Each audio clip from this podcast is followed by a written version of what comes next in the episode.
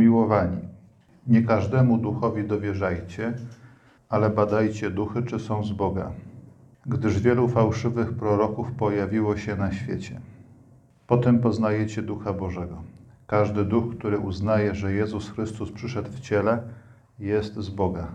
Żaden zaś duch, który nie uznaje Jezusa, nie jest z Boga, i to jest duch Antychrysta, który, jak słyszeliście, nadchodzi i już teraz przebywa na świecie.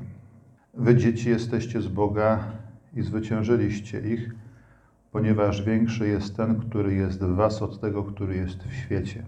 Oni są ze świata, dlatego mówią od świata, świat ich słucha. My jesteśmy z Boga. Ten, kto zna Boga, słucha nas. Kto nie jest z Boga, nas nie słucha. W ten sposób poznajemy ducha prawdy i ducha fałszu.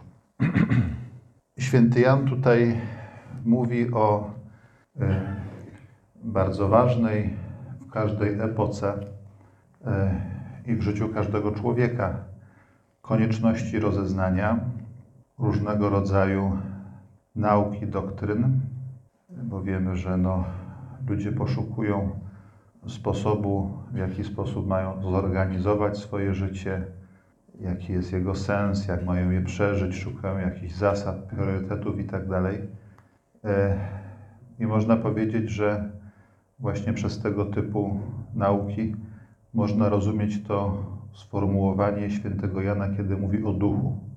Kiedy święty Jan mówi, badajcie duchy, czy są z Boga, no to wszystkie te rzeczy, nauki, doktryny, które jakby próbują Wam pokazać, w jaki sposób trzeba żyć, no to musicie badać, czy są rzeczywiście to nauki Boże. I święty Jan, co jest ciekawe, podaje tylko jedno kryterium chrześcijańskości, jeśli można tak powiedzieć, danej nauki, mianowicie czy uznaje wcielenie. To jest dla świętego Jana jedyne kryterium. Czy uznaje wcielenie? Pamiętajmy, że jesteśmy u końca I wieku, na początku wieku II, kiedy bardzo dużą rolę w życiu społeczności ówczesnego świata zaczyna odgrywać ruch nazywany potocznie gnozą. To był taki prąd religijny, który za swój, była taka mieszanka różnego rodzaju wierzeń, rozmyślań, jak mówią mądrzy ludzie, będący też odbiciem niepokojów, które pożerały ówczesny świat. I Gnoza mówi tak, że jakby istnieje dwóch bogów. Ten Bóg zły, Bóg Starego Testamentu, który stworzył świat materialny. I dobry Bóg, Bóg ten miłosierdzia, Bóg Nowego Testamentu, Ojciec, Ojciec Jezusa, który go posłał na świat, żeby właśnie uwolnił ludzi z tego świata starotestamentalnego. I co najważniejsze, żeby pomógł im się wyzwolić z materii, bo wszystko to, co materialne, jest złe. I w tych niezliczonych mitach gnostyckich, to jest bardzo skomplikowana ta cała doktryna, bardzo dużo miejsca jest poświęcone faktowi, że mm, Jezus, czy że Syn Boży nie miał prawdziwego ciała, nie wcielił się naprawdę, tylko nosił ciało pozorne.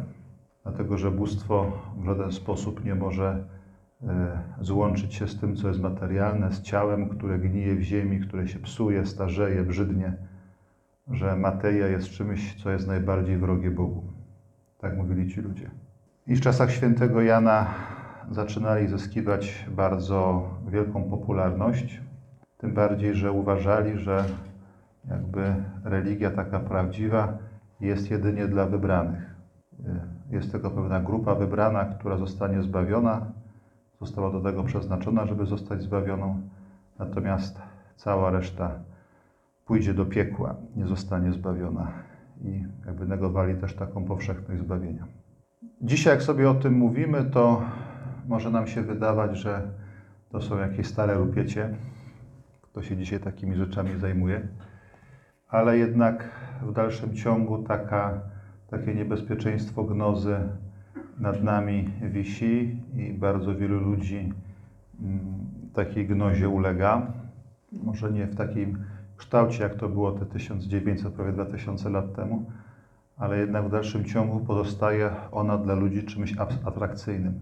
Po pierwsze, ludzi zawsze kręci czy nęci to, co jest swego rodzaju ekskluzywne i że to oni są właśnie adresatami tego szczególnego produktu. Sąsiad za płota nie.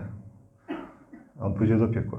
Ale ja to tak, ja jestem ten wybrany i ja wiem lepiej. Ja jestem bardziej uduchowiony i znam Boga. A tamci z ulicy to nie. To, to są tępi ludzie, oni się na niczym nie znają. Też takie pozorne uduchowienie, które jakby nie docenia funkcji ciała. Właśnie takie jakby błądzenie w obłokach, jakieś takie bardzo mało konkretne, stawianie na jakieś takie swoje osobiste przeżycia. To są wszystko jakby rzeczy, które zaprzeczają tej teologii wcielenia, którą reprezentuje święty Jan. Tutaj też pomyślmy sobie o tym, że po raz kolejny wychodzi taka, taka wielka maryjność świętego Jana, jeżeli możemy tak powiedzieć, bo dla Matki Bożej, tak przynajmniej jak nam to pokazują Ewangelie, właśnie tajemnica wcielenia, która rozpoczęła się w momencie zwiastowania, była dla niej fundamentem jej spotkania z Panem Bogiem. To, że Syn Boży stał się człowiekiem za sprawą Ducha Świętego w Jełunie. I jakby Matka Boża była na tym ufundowana, jest na tym ufundowana, na tym doświadczeniu wcielenia i jako Matka Kościoła przekazuje wszystkim Jego dzieciom, czyli także nam, jakby ten fundament wiary, jakim jest wcielenie. I teraz jakby co z tego wynika? Po pierwsze, to, że Syn Boży się wcielił, e, oznacza to, i tego jakby święty Jan nie wprost, ale z tego tekstu tak zdaje się wynikać, bardzo mocno się trzyma, że z tego wynika, że do zbawienia i do zjednoczenia z Panem Bogiem idziemy przez ten świat taki, jaki on jest. Syn Boży nie czekał na to, żeby świat stał się lepszy, czy żeby ludzie się bardziej nawrócili, czy żeby byli bardziej pobożni, ale wcielił się w określonym miejscu, w określonym czasie, kiedy problemy były takie jak zwykle i w takim świecie, w takim miejscu zbawił świat. Czyli jakby zupełnie odwrotnie niż myślą gnostycy i niż myśli dzisiaj niestety bardzo wielu ludzi, e, posłużył się materią do tego, posłużył się światem stworzonym do tego, żeby zbawić człowieka. Aby zbawienie nie dokonało się w probówce czy w jakimś, w jakimś nadświecie duchowym, tylko dokonało się tutaj, e, w warunkach, które ludzie w pewnym sensie, można tak powiedzieć, stworzyli po grzechu pierworodnym. E, I to się stało też po to, żeby w ciągu tych wszystkich wieków, które nastąpiły po wcieleniu Słowa Bożego, ludzie dokonywali dokładnie tego samego wysiłku. Żeby nie czekali, aż świat stanie się idealny i dopiero wtedy zaczynali myśleć o Panu Bogu, a że oni staną się idealni, dopiero wtedy zaczną się jakby pracować, czy do Pana Boga dążyć, ale żeby tu i teraz, w takim świecie, jaki jest, tego Pana Boga szukać i Go uwielbiać, tak jak robił to Chrystus w czasie swojego ziemskiego życia. To jest jakby po pierwsze, nie? że świat widzialny nie jest dla nas przeszkodą do tego, żeby służyć Bogu, wręcz przeciwnie. Nie? Wcielenie mówi, że to jest właśnie miejsce, gdzie Bogu mamy służyć. No i możemy też to przełożyć na, na nasze życie, prawda? Można czekać, aż klasztor stanie się idealny, no tylko wtedy życie przecieknie między palcami. Szkoda czasu, nie? To jest nasz klasztor, to jest, to jest moja wspólnota. Nie? Tutaj przyszedłem, tutaj Pan Bóg mnie postawił i nie będę czekał, aż ludzie się nawrócą albo aż ja się sam nawrócę, tylko już teraz zaczynam służyć Panu Bogu.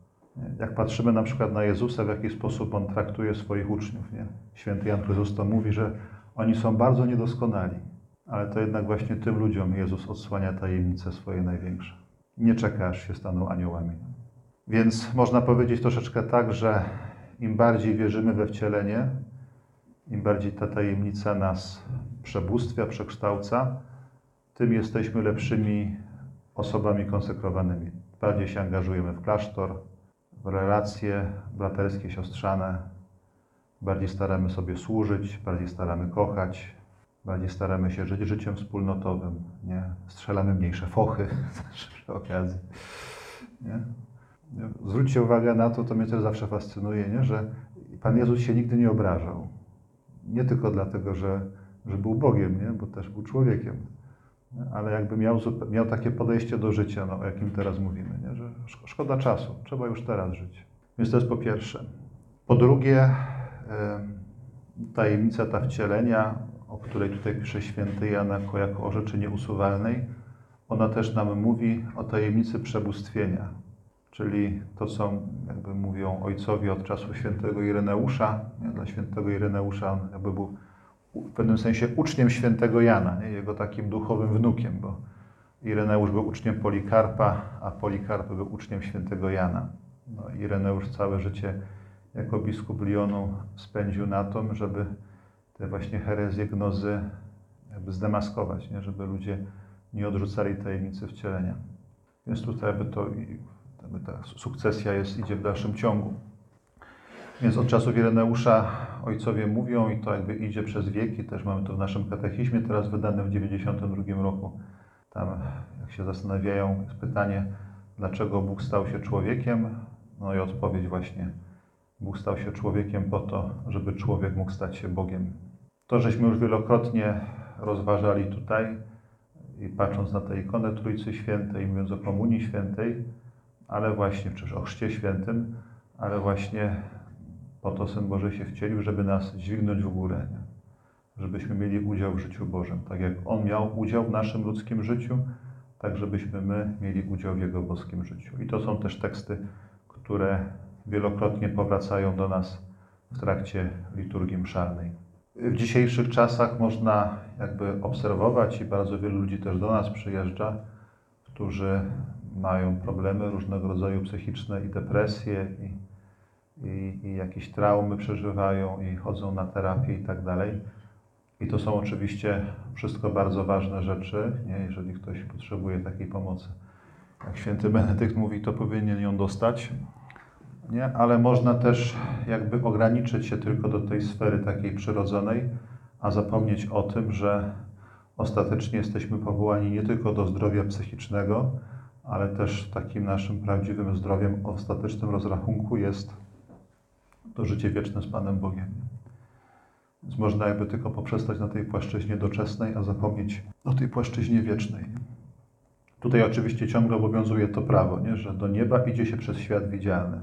Nie? Czyli jakby wszystkie te takie psychologiczne sprawy, które ludzie mają, one też wiążą się ści- ściśle z tym, żeby człowiek przygotował się do życia wiecznego w niebie. Więc o tym w jakiś sposób też nie można, też nie można zapominać. To jest jakby po drugie. Po trzecie, tajemnica wcielenia zupełnie wywraca do góry nogami dotychczasowe refleksje człowieka na temat bóstwa. Wszystkie e, wcześniejsze religie bardzo mocno podkreślają tę różnicę, jaka istnieje pomiędzy światem bogów a światem ludzi, e, że są to jakby rzeczywistości w zasadzie nieprzekraczalne. Nie można przedostać się z jednego świata do drugiego. Nie? Natomiast religia czy wiara chrześcijańska właśnie pokazuje, że Bóg przekroczył te granice i stał się człowiekiem. I to stwarza nieskończoną ilość tematów do rozmyślania o tym, jaki to jest Bóg, skoro decyduje się w taki sposób wkroczyć w historię, ale też to, co mówiliśmy wcześniej, że nie tylko schodzi na ziemię, ale też zamierza zabrać nas ze sobą. Ciężko zrozumieć w niebo wzięcie bez tajemnicy wcielenia. Czy tak samo ciężko zrozumieć w niebo wstąpienie bez tajemnicy wcielenia. To jest po trzecie. Po czwarte, e, tajemnica wcielenia jakby umożliwia w ogóle zaistnienie sakramentów, czyli tego najbardziej pewnego, najbardziej bezpiecznego naszego środka zjednoczenia z Panem Bogiem. Święty Leon, też autor niezwykle ważny, bo jego wpływy odnajdujemy w regule świętego Benedykta. Pamiętajmy o tym, że pomiędzy Leonem a Benedyktem jest jakieś, jest pomiędzy śmiercią Leona a urodzinami Benedykta jest jakieś 30 lat. Więc kiedy on przyjechał do Rzymu, nie te kazania Leona były w dalszym ciągu bardzo takie żywe, ludzie o nim pamiętali, czytali te jego teksty i w regule widać, że święty Benedykt też te kazania Leonowe bardzo dobrze zna. Mm. I Leon właśnie zastanawia się, papież Leon zastanawia się nad tym, jak to jest, nie, że właśnie apostołowie tacy wybrani, bo widzieli Jezusa, mogli z Nim rozmawiać, On ich uzdrawiał i tak dalej. No a teraz Jezus wstąpił do nieba i nic nam nie zostało. No i On mówi tak, w pewnym momencie tak, ale to wszystko, co w Jezusie było widzialne, przeszło w sakramenty. I w pewnym sensie właśnie jakby to się jeszcze bardziej rozrasta teraz, nie? że wcześniej mogła uczestniczyć w tych Jego zbawczych dziełach jedynie wąska grupa ludzi, natomiast teraz dzięki ekonomii sakramentalnej każdy człowiek, który tylko chce, który przyjmie chrzest i w tych sakramentach zechce uczestniczyć po całym okręgu ziemi, ma taki sam dostęp do Jezusa, jak mieli Jego współcześni. I też byłoby to niemożliwe, gdyby nie tajemnica wcielenia. Czy, czy, czy tak jak mówi Sobór, że kiedy ktoś chrzci, czy kapłan chrzci, sam Chrystus chrzci.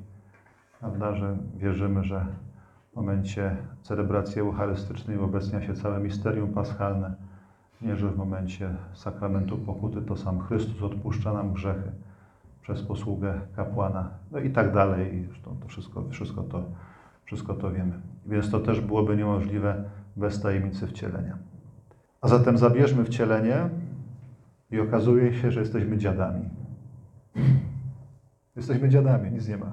To jest jakby ta, powiedzmy sobie, że tak jak chrzest jest naszą bramą do tego świata boskiego, tak bramą do zbawienia dla nas jest wcielenie. Bez niego jakby wszystko to, co dzieje się w chrześcijaństwie, co jest nowością chrześcijańską, nie zachodzi. Dlatego jak siostry poczytają sobie uważnie najstarsze prefacje mszalne, które mamy łącznie z pierwszą prefacją o Matce Bożej, tam bardzo mocno jest podkreślone właśnie to, że wcielenie jest początkiem naszego zbawienia. Kiedy na początku IV wieku, na przełomie III i IV wieku, pewien kapłan aleksandryjski o imieniu Ariusz, można powiedzieć, że był takim proboszczem w dzielnicy portowej, tak byśmy go dzisiaj określili. Wtedy nie było jeszcze proboszczów, ale on taką funkcję no, przez analogię pełnił. I zaczął kombinować, majstrować przy tajemnicy Trójcy Świętej. I doszedł do wniosku, że no, skoro Bóg jest jeden, no to nie może być ich trzech.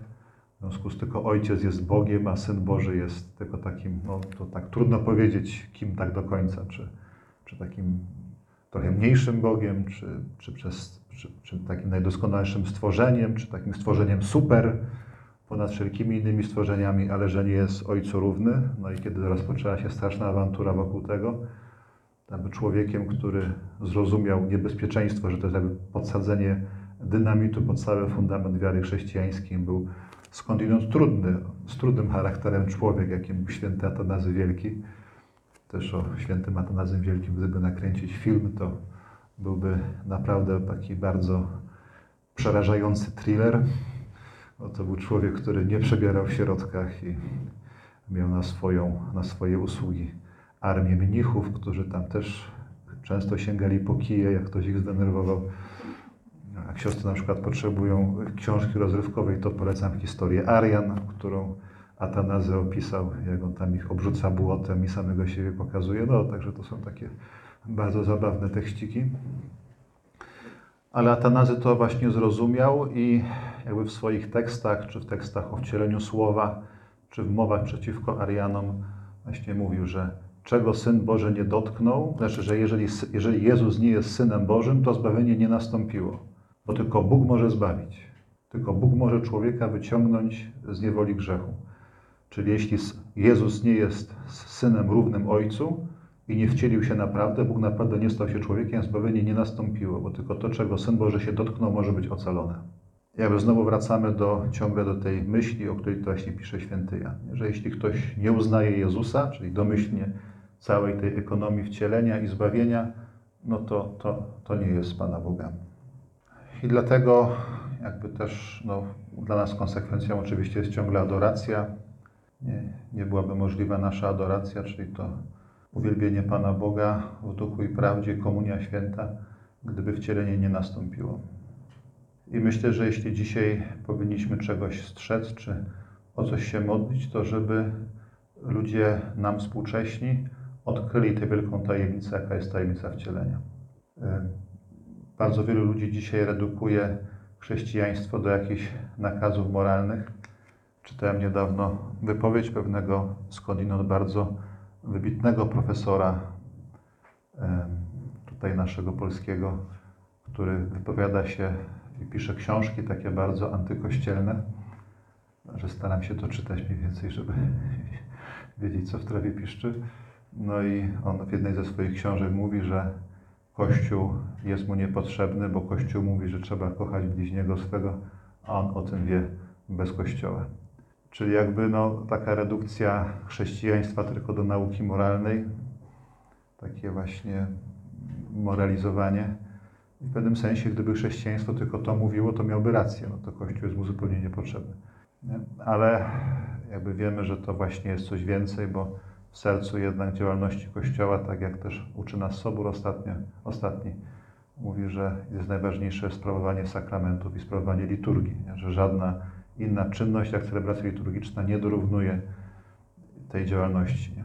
Nic innego nie przewyższa. Najważniejsza jest celebracja sakramentów świętych, celebracja liturgiczna. No a jakby źródło tego właśnie tkwi w tajemnicy wcielenia, w tej ekonomii wcielenia. Więc jeśli możemy dzisiaj o coś się modlić, to żeby świat uwierzył na nowo w to, że Syn Boży stał się człowiekiem. I może tutaj też była taka mądrość świętego Jana Pawła II, że tak bardzo przygotowywał i jakby z, taką, z takim wielkim e, przejęciem celebrował ten jubileusz e, w 2000 roku, żeby jakby ten, te tajemnice na nowo zasiać w sercach ludzi. Tak jak to pamiętam mówił, kiedy otwierał rok jubileuszowy, to była pasterka 90, pasterka w 99 roku, kiedy rozpoczynał jubileusz, właśnie mówił, że, że przekazujemy tę nowinę o wcieleniu Syna Bożego na trzecie tysiąclecie i proszę Was, drodzy bracia i siostry, przyjmijcie tę tajemnicę Syna Bożego, który się wcielił, tajemnicę, która na zawsze odmieniła bieg historii. I to myślę są właśnie jakby tego typu rzeczy. Kiedy święty Jan mówi na temat wcielenia, mm, z jednej strony może, może nam właśnie mówić o, o takim podziwie wobec tajemnicy Boga, jaki ten Pan Bóg jest i tak dalej, ale też z drugiej strony ta tajemnica powinna nas rozpalać do tego, żebyśmy chcieli pojechać w górę, czyli żebyśmy, tak jak Syn Boży stał się człowiekiem, żebyśmy również zapragnęli zjednoczenia z tym Panem Bogiem. I na koniec, jako taki rodzaj podsumowania tych całych naszych rekolekcji, bo jak czytamy uważnie ten list świętego Jana, to on właśnie prowadzi w swojej logice do tych stwierdzeń dotyczących wcielenia. Nie? Takie bardzo, jak mówiliśmy, maryjne to są myśli. I matka Mechtylda pisze tak.